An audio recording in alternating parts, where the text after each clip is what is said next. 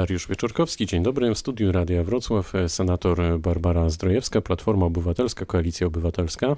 Dzień dobry, witam pana, witam państwa serdecznie. Opozycja krytycznym okiem spogląda na prezydenturę Andrzeja Dudy. Dlaczego?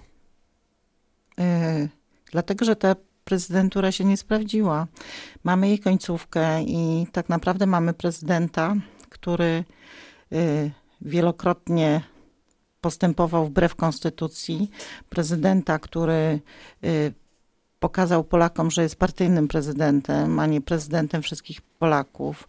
Y, do tej pory było tak, że każdy z kolejnych prezydentów jednak mówił, że y, trafiał z przekazem do wszystkich ludzi, starał się tak trafiać. To jest po raz pierwszy mamy tak upartyjnionego prezydenta, którego przekaz jest tak silnie partyjny, który praktycznie nie ma żadnych y, swoich inicjatyw, a de facto y, wykonuje polecenia z Nowogrodzkiej. Kiedy pani zdaniem prezydent y, złamał konstytucję?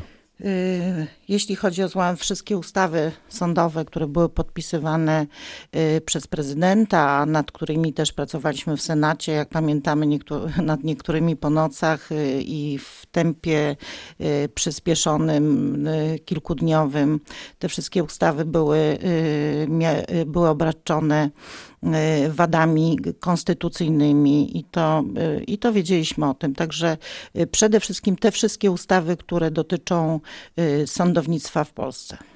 Zarzucacie też często jako opozycja bierność prezydentowi Dudzie, nawet w swoim najnowszym spocie, który wczoraj miał premierę w internecie. Wie pani, ile wety zgłosił Bronisław Komorowski przez pięć lat? Nie wiem, z pięć. Cztery. Cztery. Dla porównania prezydent Lech Kaczyński zgłosił weto 18 razy, Andrzej Duda przez pierwsze dwa lata zgłosił ich 7.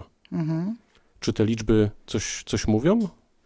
Nie wiem, myślę, y, myślę, że niewiele, dlatego że po raz pierwszy mamy taką sytuację, y, że mamy y, Wcześniej często mieliśmy kohabitację, czyli rząd jakby skądinąd i prezydent z innej opcji, chociaż zdarzało się też tak, że, że, że było to wspólnie. Natomiast w tej chwili mamy no, taką ewidentne zbratanie się prezydenta i takie partyjne, polityczne, tak bym powiedziała, z rządzącą y, opcją i stąd też tych y, wet jest tak mało, a jeżeli nawet się pojawiają, to dotyczą y, może nie najważniejszych spraw. Dlaczego uważacie jako Platforma i Koalicja Obywatelska, że to Małgorzata Kidawa-Błońska powinna zostać prezydentem kraju? Znaczy, pani, e, e, pani marszałek Kidawa-Błońska została zgłoszona już przedtem i jest naszą oczywistą kandydatką na prezydenta, także skupiamy, skupiamy się wokół wokół niej. To jest osoba, która ma ogromne doświadczenie państwowe, ogromne doświadczenie polityczne. To jest osoba, która pracowała bardzo długo w parlamencie, pracowała też w rządzie. Także zna doskonale sprawy państwowe, zna doskonale sprawy y, publiczne, y, y, zna też sprawy zagraniczne, pełniła funkcję rzecznika rządu, także zajmowała się tymi wszystkimi sprawami. A nie będzie partyjnym prezydentem? Yy, nie sądzę. Pani, y, mam przyjemność znać y, panią, y, panią marszałek osobiście i to tak myślę, że dosyć blisko. Także mogę powiedzieć od siebie, że to jest osoba szalenie asertywna i ona dysponuje takim wewnętrznym, taką wewnętrzną niezależnością. I to jest taka osoba, która się nie ugnie przed żadnymi naciskami. Jestem przekonana, że będzie zawsze postępowała zgodnie jako prezydent, będzie postępowała zgodnie ze swoim sumieniem. A czym może przekonać do siebie Polaków, jak pani myśli? Ja myślę, że przede wszystkim y, bezpośredniością, y, tym, że jest osobą, która, y, która potrafi być blisko ludzi, która potrafi rozmawiać z ludźmi, która słucha też fantastycznie. To, to nie jest osoba, która, która jest, jakby niektórzy chcieli, chociaż ma takie fantastyczne pochodzenie i tak dalej, ale to nie jest osoba z pianki, to jest osoba twardo stojąca na, na nogach, to jest osoba, która potrafi rozmawiać E, gdzieś, e, gdzieś w małej wsi e, mazowieckiej równie dobrze, czy na Podkarpaciu. No, pan jak poruszać wydaje mi się, że też potrafi na przykład. Jak poruszać się w, w salonach. Pan Kosiniak-Kamysz myślę, że też potrafi rozmawiać z ludźmi, ale ja myślę, że pani Kidawa-Błońska ma tę zaletę, że jest lepiej znana Polakom. Pokazała już, co potrafi y, przez te wiele lat. Myślę, że zdobyła sobie ogromne zaufanie. Miała fantastyczny wynik w ostatnich wyborach w Warszawie. Taki wynik, który, który naprawdę budzi, y, y, budzi podziw i myślę, że potrafi być, będzie potrafiła być prezydentem i, i takim warszawskim, i też prezydentem prowincji. A zna pani kampanijne hasło, pani marszałek? Prawdziwa prezydent. I? Y... Prawdziwa prezydent i? Pewna prawdziwa, przyszłość. Y, tak, pewna przyszłość, tak, ale to prawdziwa. Jest dobre hasło? Y, prawdziwa prze, prezydent, tak. Myślę, że adekwatny. Myślę, że od, odnoszący się odrobinę do prezydentury y, prezydenta Dudy, który nie jest tak naprawdę prawdziwym prezydentem.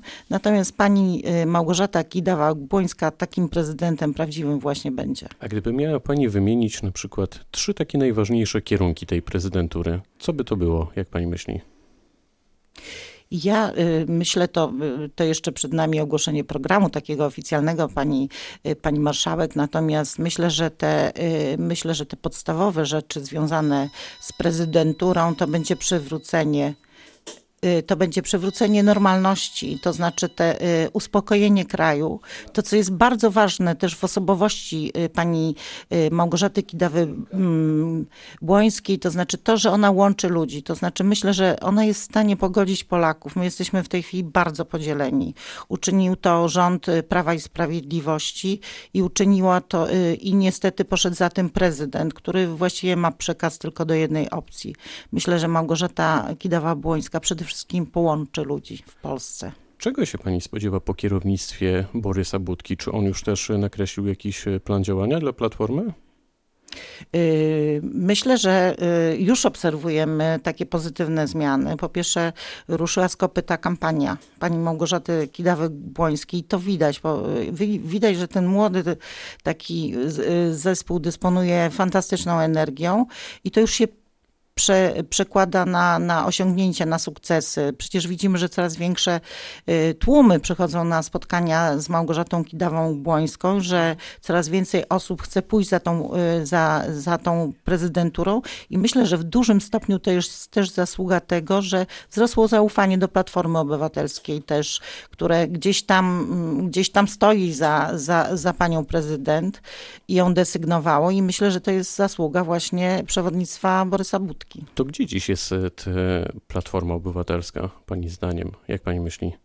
Y, myślę, że dzięki, dzięki tym zmianom w, przy, w przywództwie jesteśmy w tej chwili na początku takiej drogi, której, której pierwszym, najważniejszym dla nas elementem będzie zwycięstwo Małgorzaty Kidawy-Błońskiej w wyborach prezydenckich. Grzegorz e, Schetyna został wiceprzewodniczącym na Dolnym Śląsku, wiceprzewodniczącym zarządu. Cieszy Panią ten wybór? Tak, nie uczestniczyłam w tym wyborze, ponieważ y, miałam zajęcia w Warszawie w tym czasie. Został wybrany na funkcję wiceprzewodniczącego. To jest decyzja regionu. Y, także myślę, że no, przewodniczący Schetyna musi mieć jakieś miejsce zapewne w partii, także myślę, że to jest taki wybór.